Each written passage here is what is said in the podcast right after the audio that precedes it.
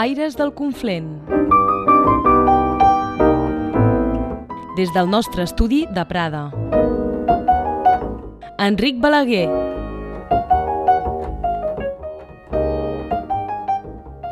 Adiu tothom, avui tornarem a vinçar per al penúltim episodi amb en Joan Miquel Turon. L'Albert Mayol ens farà una descripció del grèvol i us he recuperat un arxiu de l'any 2010, quan se celebrava les nits de música i cançó Deus.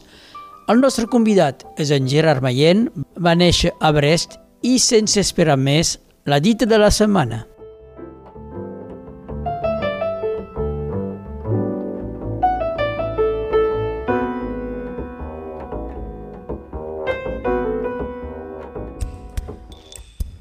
Qui dita passa, any empeny.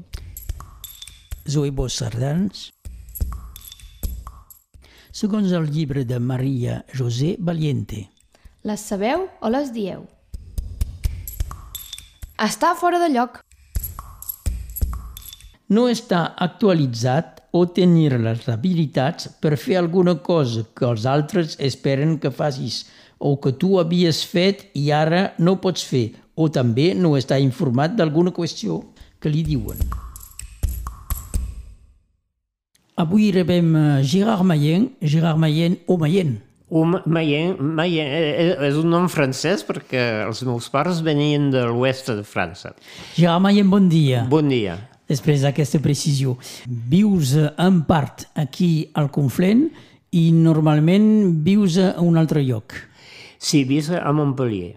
Ah. A Montpellier, passo la meva joventut a Perpinyà, i però fa, fa anys i panys que, que visc a Montpellier, sí. Uh, on vas néixer? Alors, vaig néixer a Brest al 56. Uh, doncs, com et deia, els meus pares eren de l'oest de França i el meu pare va començar la seva carrera professional just després de la guerra.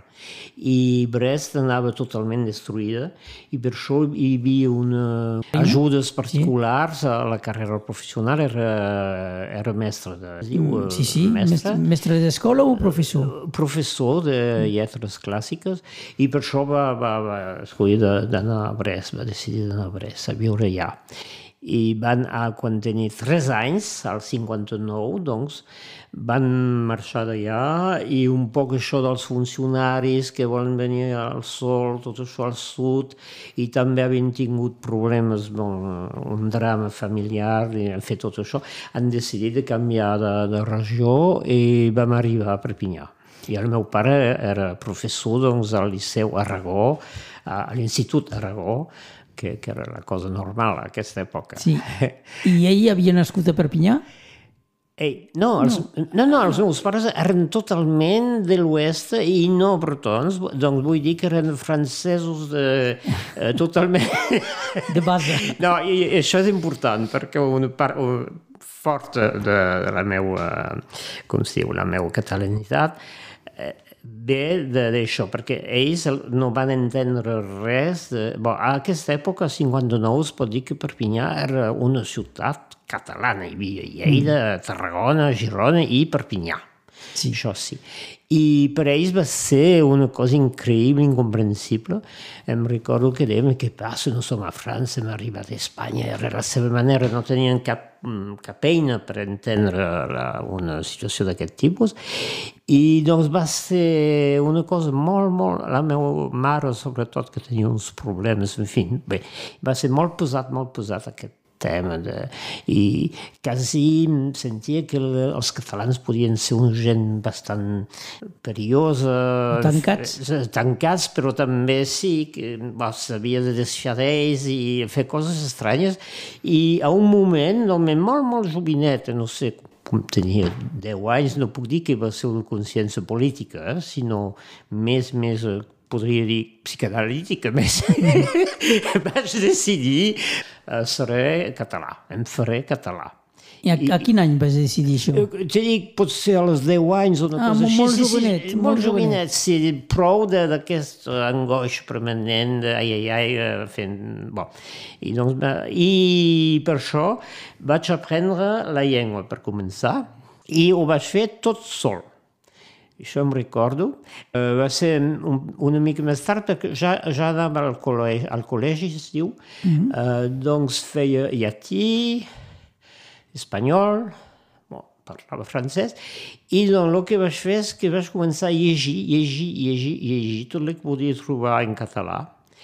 I així, saps, quan llegeix una, una expressió, una paraula que deu cops no entens, al final, el, el, el cop següent, amb el context, ah, ara entens sí. com funciona.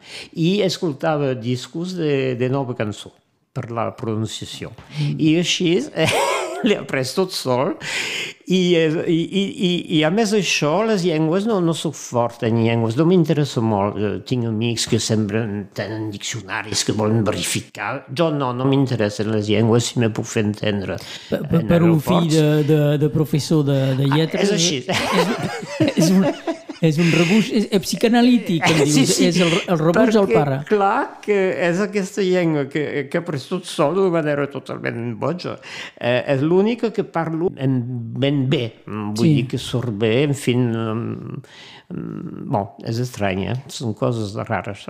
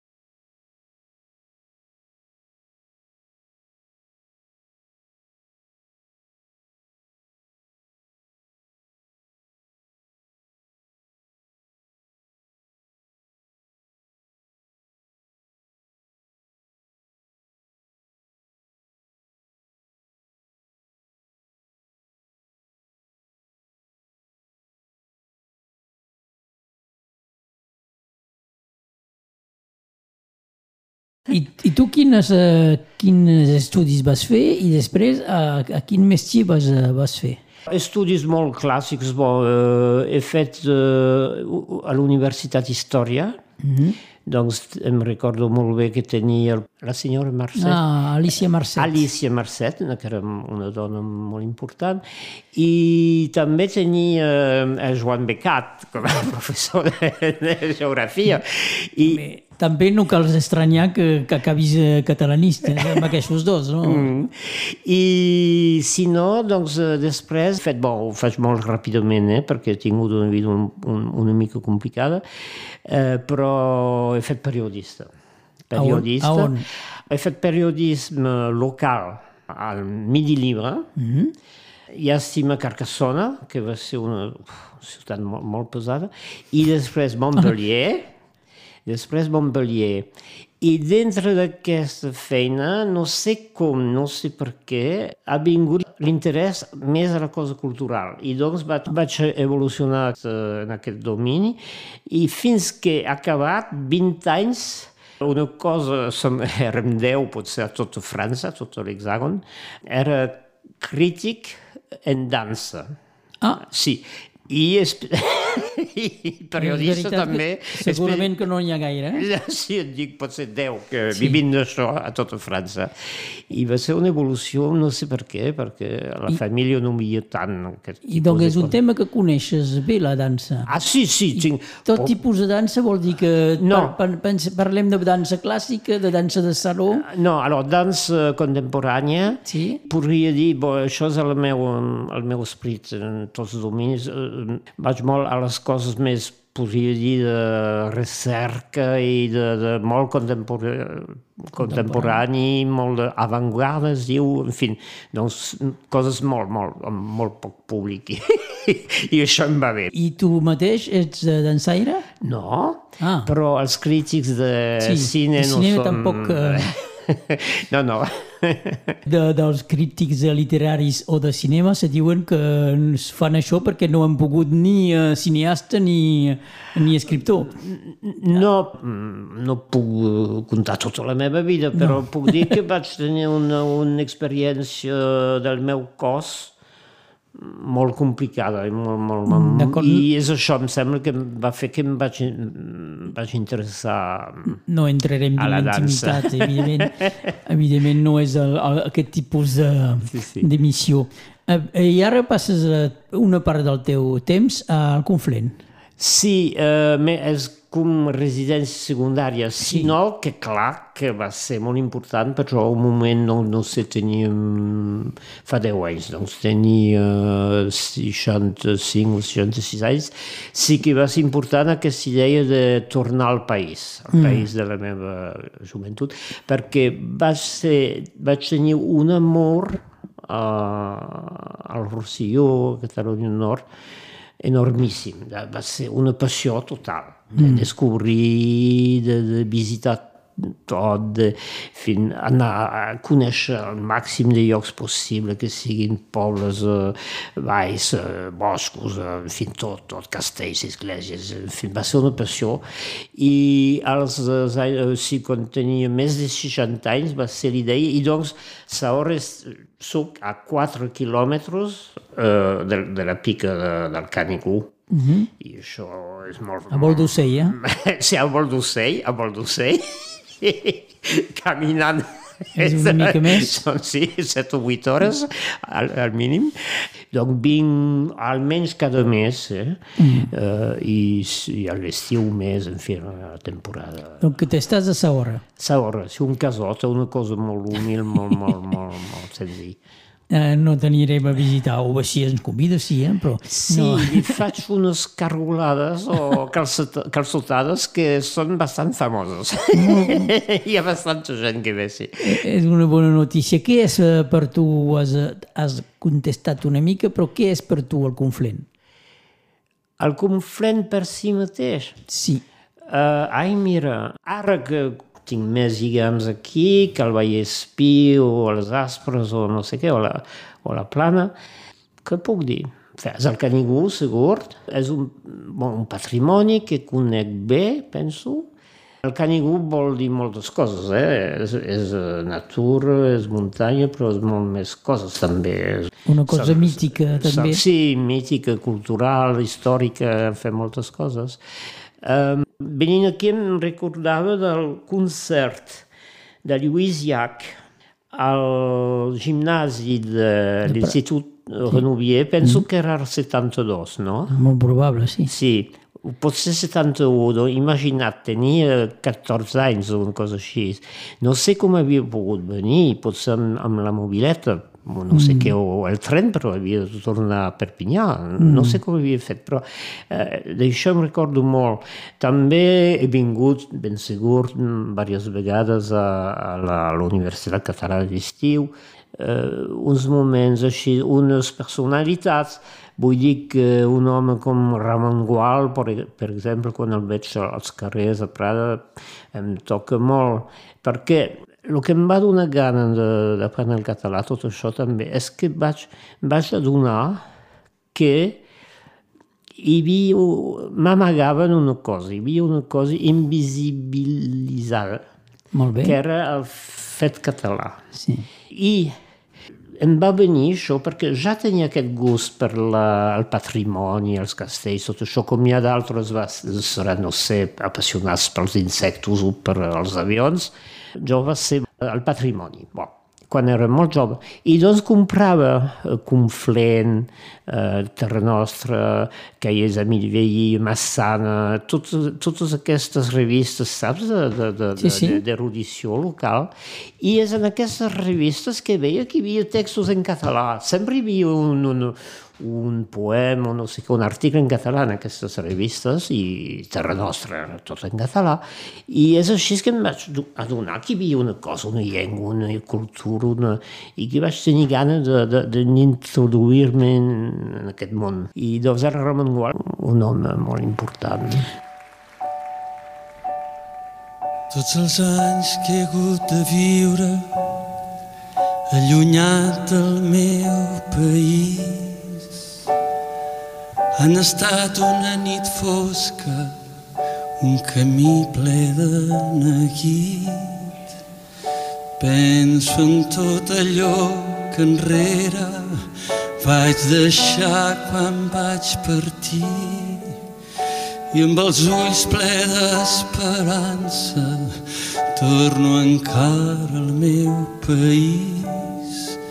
No estimo res com la dolcesa del cel blau del meu país. Ara en soc lluny, però me'n recordo dia i nit. Si un dia t'hi torno al vent que em rebi, esborrarà tots els neguits i oblidaré els anys que he viscut lluny d'aquí. No hi ha res que no em recordi cada instant del meu país. Tot em fa pensar en els dies que hi vaig viure tan feliç quan camino el vent em porta Veus que fa temps no he sentit si m'adormo el que somio és només el meu país. No estimo res com la dolcesa del cel blau del meu país abans que l'amor m'arribi vull tornar aquí. Trepitjant la terra amiga caminar pels vells camins. Vull sentir les veus que estimo vull plorar pels meus amics i morir quan arribi l'hora sota el cel del meu país.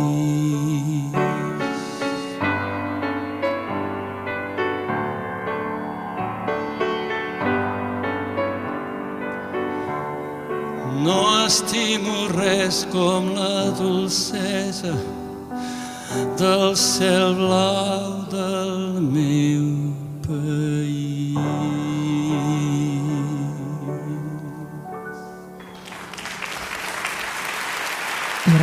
Qui- quin és per tu el futur de la llengua catalana? Com ho veus? Ah, escolta,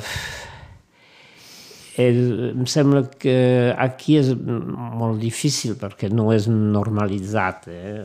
però eh, eh, veig en comparació, per exemple, de l'Occi- de l'Occitania, on visc, mm.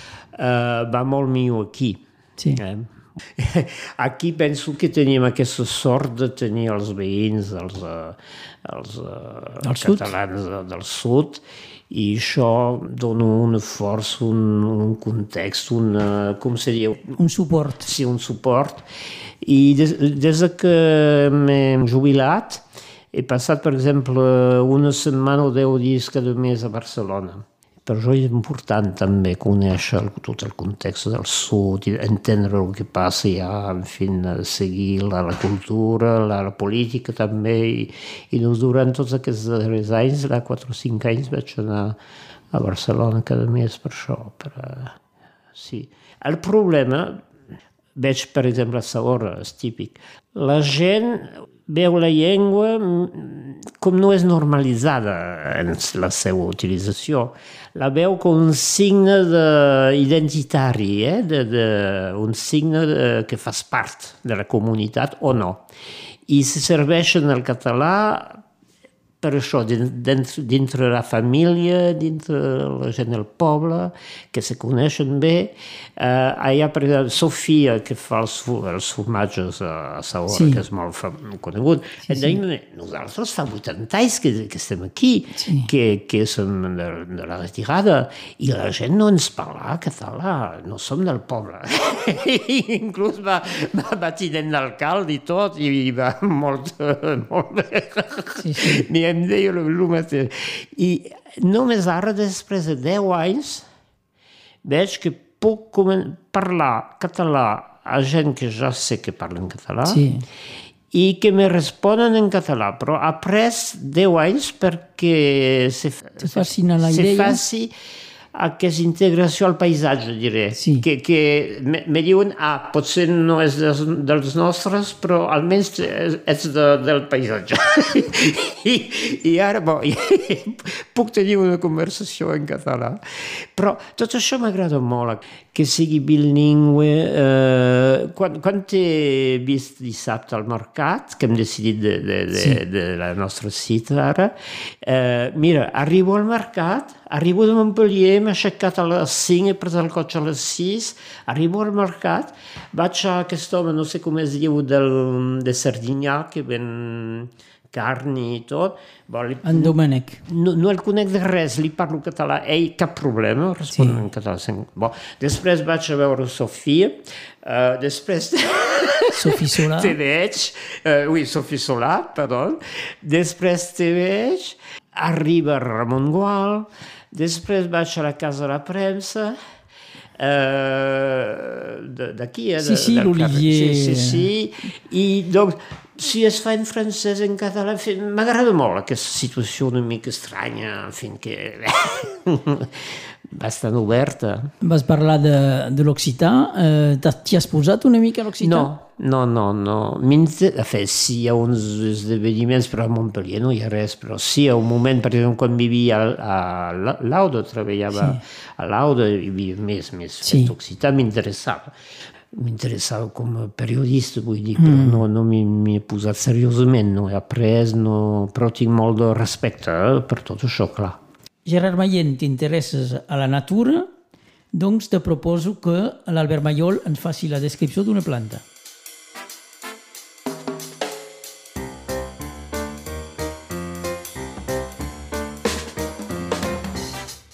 Plantes de Conflent.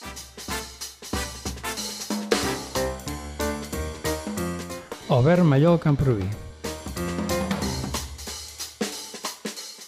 Ens retrobem una vegada més eh, per parlar de planta amb l'Albert Maiol Camrubí. Bon dia, Albert. Bon dia, Enric. Que aquesta la coneixem. eh? Aquesta tothom la coneix, no? Sí, sí, aquesta és una planta molt, molt coneguda.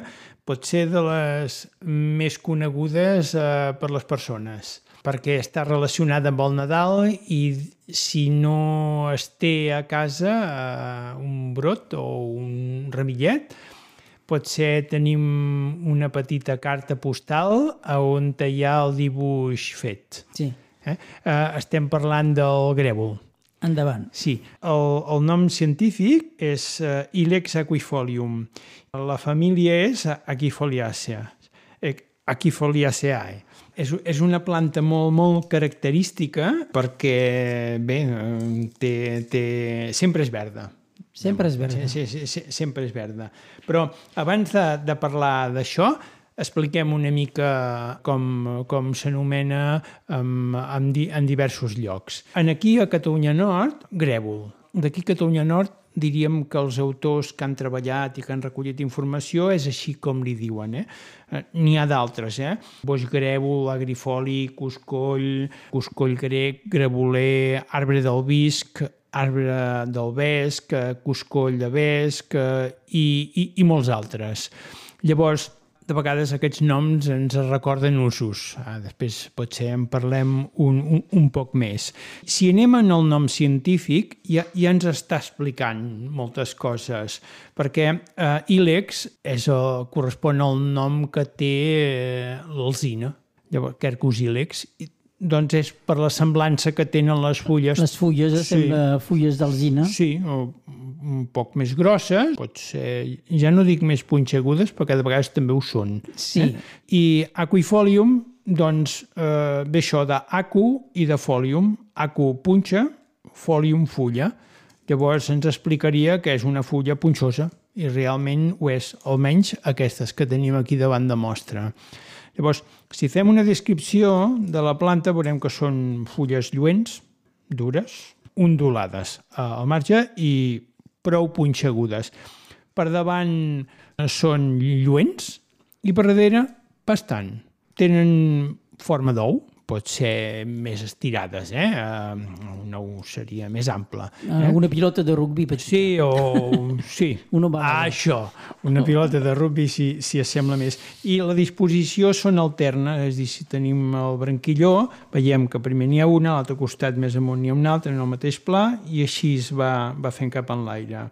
De tota manera, eh, hem de pensar que s'ha recollit eh, informació de, de persones que fan recerca i, i, i diuen que de vegades hi ha grèvols que tenen les fulles que no tenen punxes. Diu que això sol passar en els arbres quan eh, no són menjats pels animals. És dir, això sol passar, per exemple, a les fulles que ja són cap en l'aire eh, que no estarien a l'abast dels herbívors, també per alguna altra cosa. Eh? Llavors és interessant, perquè a vegades associem el grèvol amb aquestes punxes que són les que es dibuixen. I també amb les fruites, eh? Sí, i, i amb les fruites. En parlarem Exacte. més endavant. Si parlem de l'arbre com és, és un arbre eh, molt bonic, eh, sempre verd, de creixement lent, generalment a casa nostra crec que passa pas massa de 10 metres, tot i que pot créixer moltíssim, eh? fins a una vintena de metres eh, ben Ah, bo. sí? Sí, amb llocs, eh? Uh, arbres que són antics. I arbres que, si tenen sort de viure anys, poden viure 5 segles. És pas massa normal que això passi perquè és un arbre atractiu per moltes qüestions. Pels usos en parlem d'això. Eh? On el trobem? Aquí al Sí, sí. Conflent i... Uh, en, en aquí al Conflent l'haurien de buscar més aviat amb lloc ombrívols i d'ambient humit. I, per tant, a la part plana mm, potser no l'hauríem de buscar, l'hem de buscar doncs, a, a l'estatge montà, és a dir, a les muntanyes mitjanes, aquí a la terra baixa, hauríem de buscar en fondalades, en llocs, podríem dir, de clima mediterrani, però que fossin humides plujoses, pot ser excepcionalment amb algun racó que es guarda aquesta humitat i que és a l'ombra. Si està ple sol, li agrada pas massa. I si la humitat és uh, molt baixa, tampoc progressa quan té aquestes condicions i el sol és surt, surt, surt a molts llocs. Eh? Comunes a on, a, a, a on és present n'hi ha un bon grapat. Eh? Doncs són totes de la part mitjana del Conflent i cap amunt. I cap cap aquí avall és més difícil de trobar-la. En parlem de 500 metres? Sí, uh, pot ser... 400? Una, sí, per aquí, cap, cap en l'aire, i pot arribar als 1.500 metres ben bons, aquí a casa nostra. És una planta més aviat eh, de llocs humits, llavors eh, diríem que les vessants atlàntiques i les vessants més Nord. cap al nord d'Europa, nord, doncs és més present. I on se fa, doncs el lloc que, que li encanta o li agrada més serien boscs. I llocs que hi ha timbes, eh? timbaus, a llocs sí. així, a cingleres, a, a peu de cingleres, llocs que són ombrívols i així. També pot sortir amb, amb, amb altres indrets, però cal que hi hagi aquesta mica d'humitat que, que, que dèiem. I quan dius eh, boscos, eh, no hi ha una competència amb els altres eh, vegetals? Uh, sí, evidentment. Per exemple, dins Rouredes uh, n'hi ha, suposi que en llocs que, per exemple, que, que hi ha massa, massa ombra, que no tenen possibilitat de buscar un mínim de llum per poder viure, tampoc li deu agradar pas massa, eh? A dins d'una fageda, per exemple, si és molt, molt ombrívola, pot ser allà dins té poques possibilitats de viure, tot i que li agradi molt la ombra. Eh? Llavors, ara, per exemple, amb això, amb el canvi climàtic, amb els canvis que hi han, per dir-ho així, és un arbre que pot patir. De fet, això que em va preguntaves, eh, sí, eh, necessita uns espais eh, mínims per poder viure. Eh?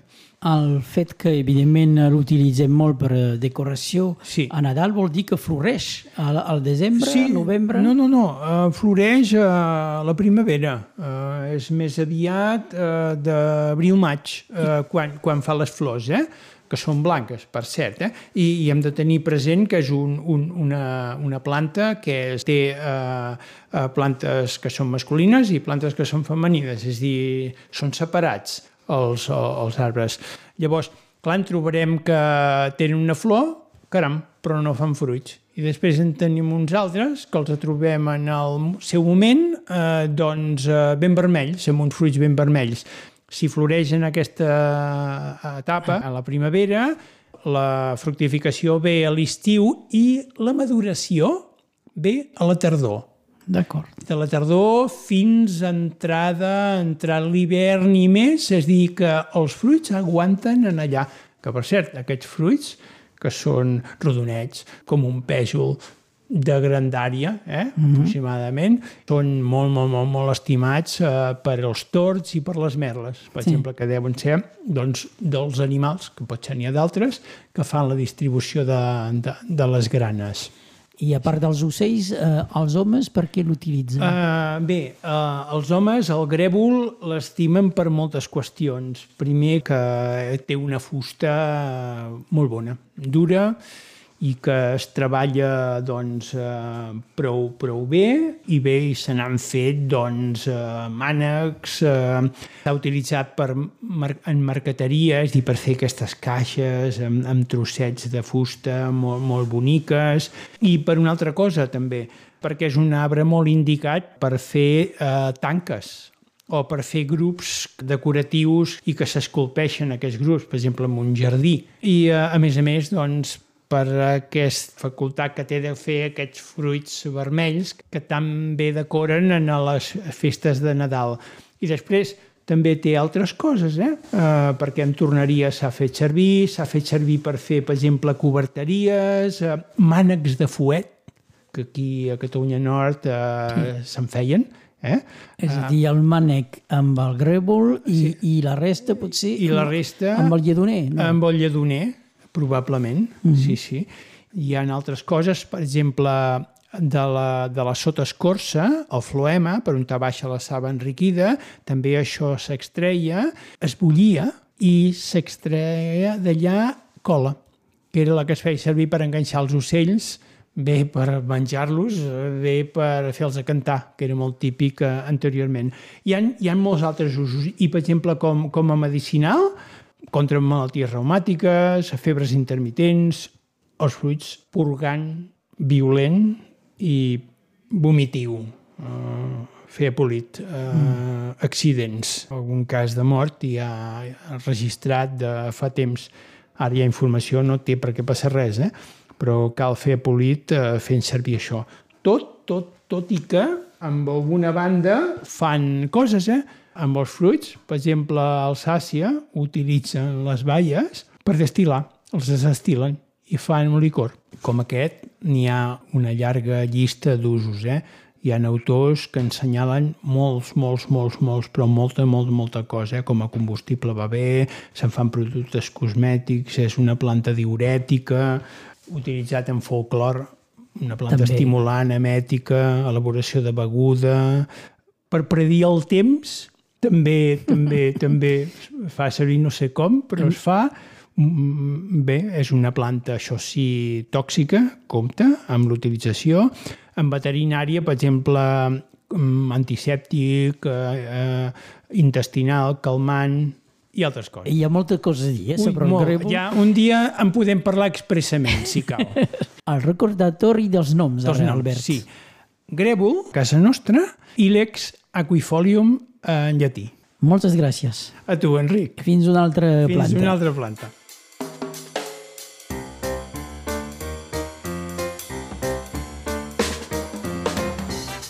Albert Mallol Camproví.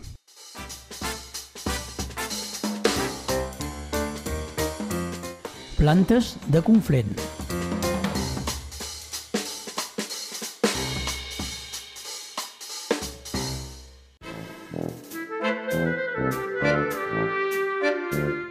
Els arxius.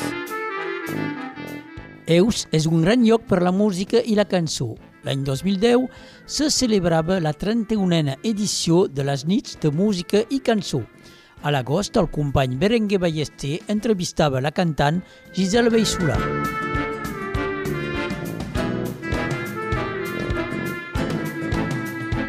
La lluna que balca el missatger. La nit és una roda que mol el cavaller. Sofrir totes les coses, després em moriré. Abans d'arribar el dia, follia gelint bé.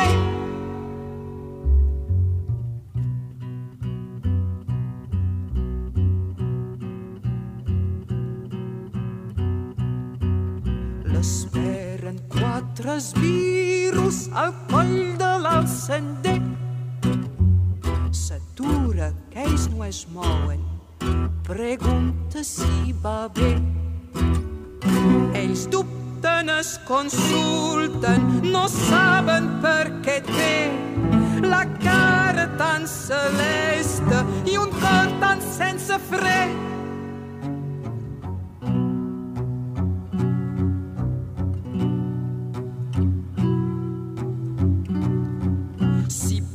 A l'altra banda, volem saber per què. La nova que tragino, ningú la pot haver. Jo que lui em concito, per si em restava fer. I el món creix en aurora quan torno cap al rei.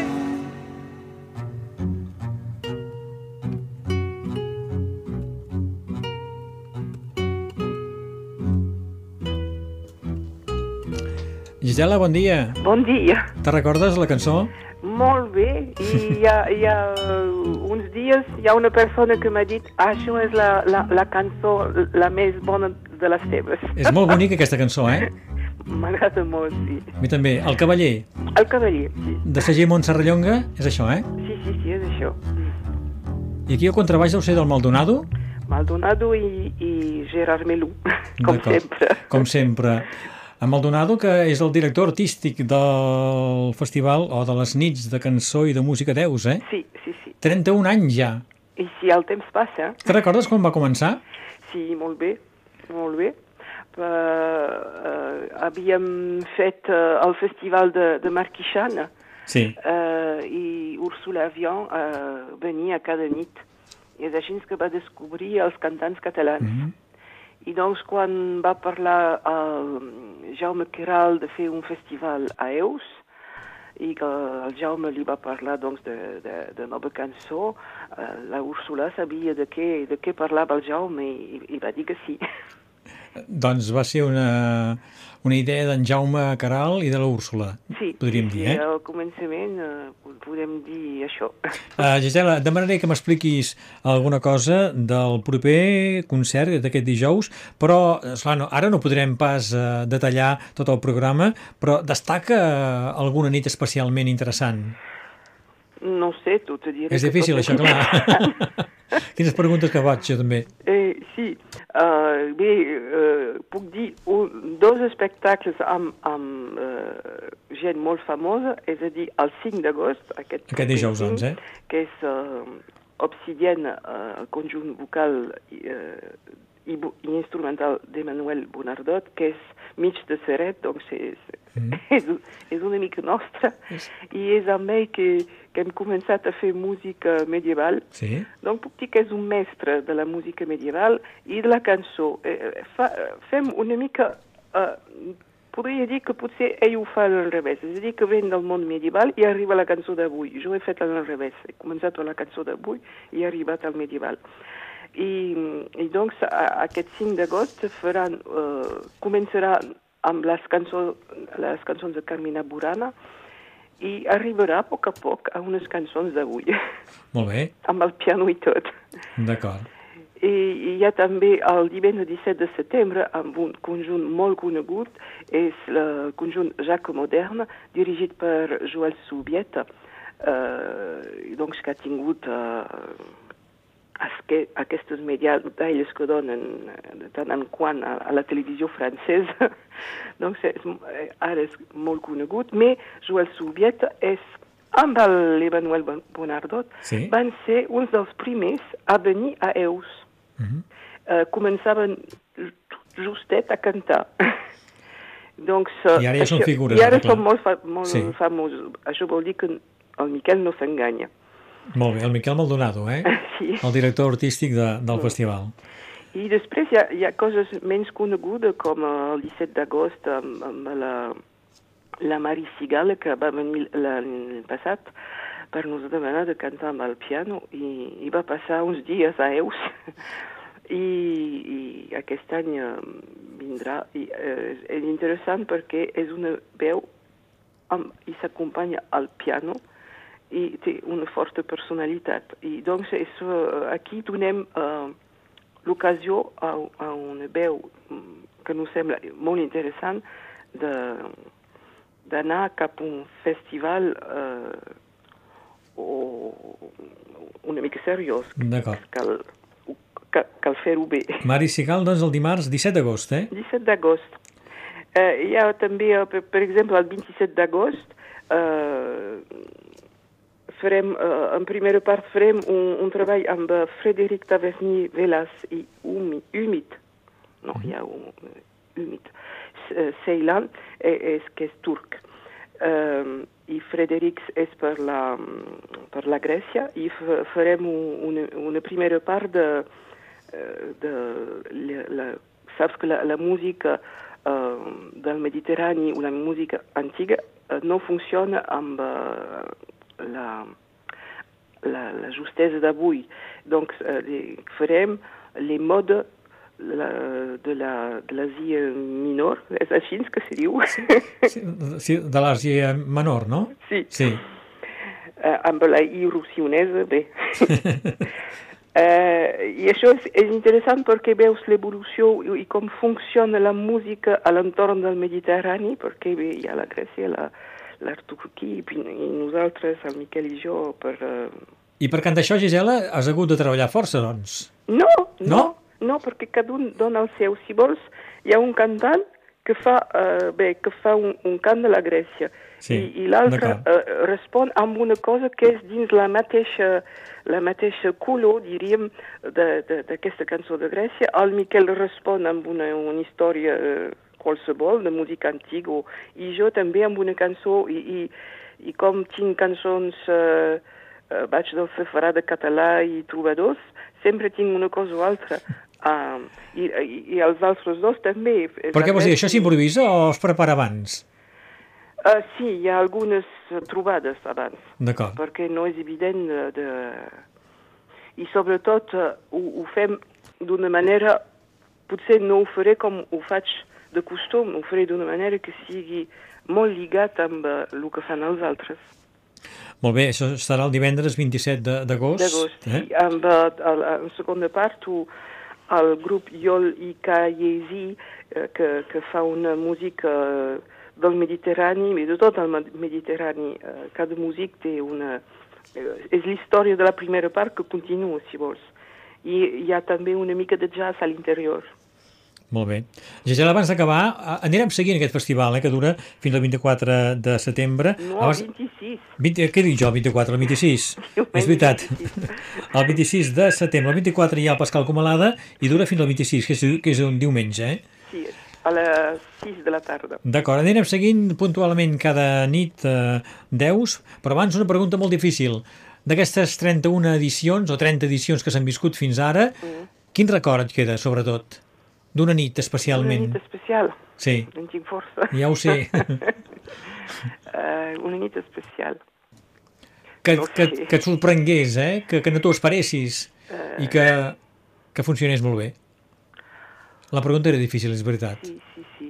Uh, La calia preparar. po- Podríem dir que tinc el record de- d'una nit dedicada, perquè, saps, al Festival Deus, eh, doncs, que és fet per la Fundació eh, Boris Vian, eh, hi ha una regla, és de no fer-ho Boris Vian. Sí. mais de tant en quant. I doncs, eh, un any hem fet una ballada Boris Vian. I eh, això va durar de les 9 eh, de- la nit a les 2 o 3 eh, de la matinada. I, I el públic seguia. I això era interessant perquè eh, senties a, a Boris Vian, mais de, de qualsevol manera, i, i cantat amb uns catalans que ho feien molt bé, o, o qualsevol eh, cantant, això va ser una, una bona sorpresa perquè com ja la, la Úrsula era molt clar, no, bé, és pas a nosaltres a fer Borissia. Doncs no. D'acord. I, i va, va ser molt reeixit i, i va ser l'ocasió per alguns cantants de Catalunya de cantar Borissia i doncs de fer, de fer veure que nosaltres fem bona cançó catalana i si nos donem una bona cançó francesa ho sabem fer també. Molt bé.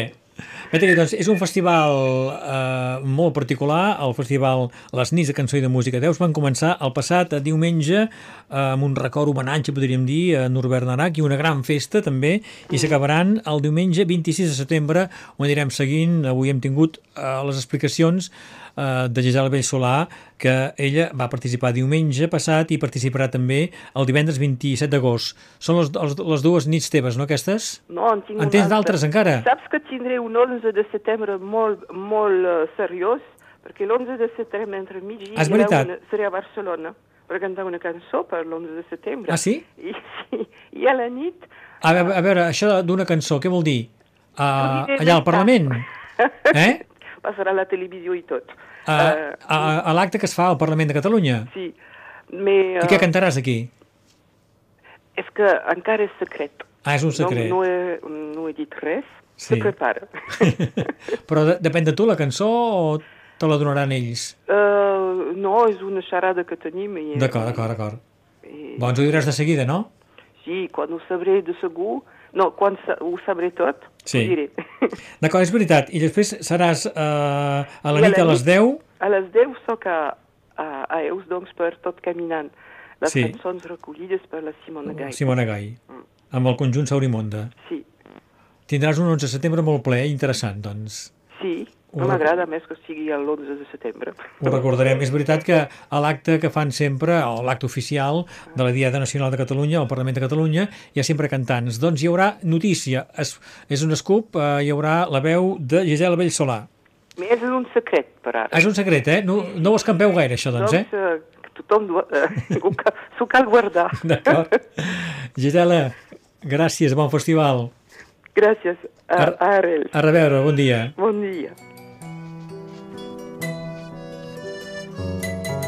Acabarem escoltant algunes notes de Pascal Comalada. També hi serà present Pascal Comalada acompanyant o participant en un recital de Riquesasses el divendres 24 de setembre.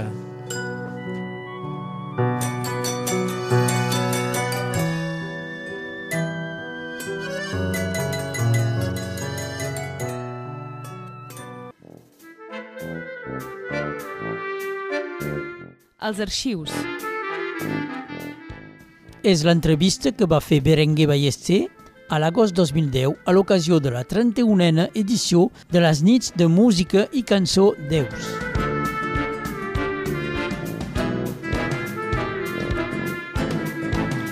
Gerard Mayen, saps que el temps passa molt ràpid? Me, me puc imaginar, sí. I ja, ja, ja és l'hora per nosaltres d'ens deixar, eh, oh. perquè s'acaba s'acaba l'emissió. Potser, ten, moltes gràcies, moltes potser gràcies. tens moltes coses encara per dir, però potser te convidarem una altra vegada. Què et sembla?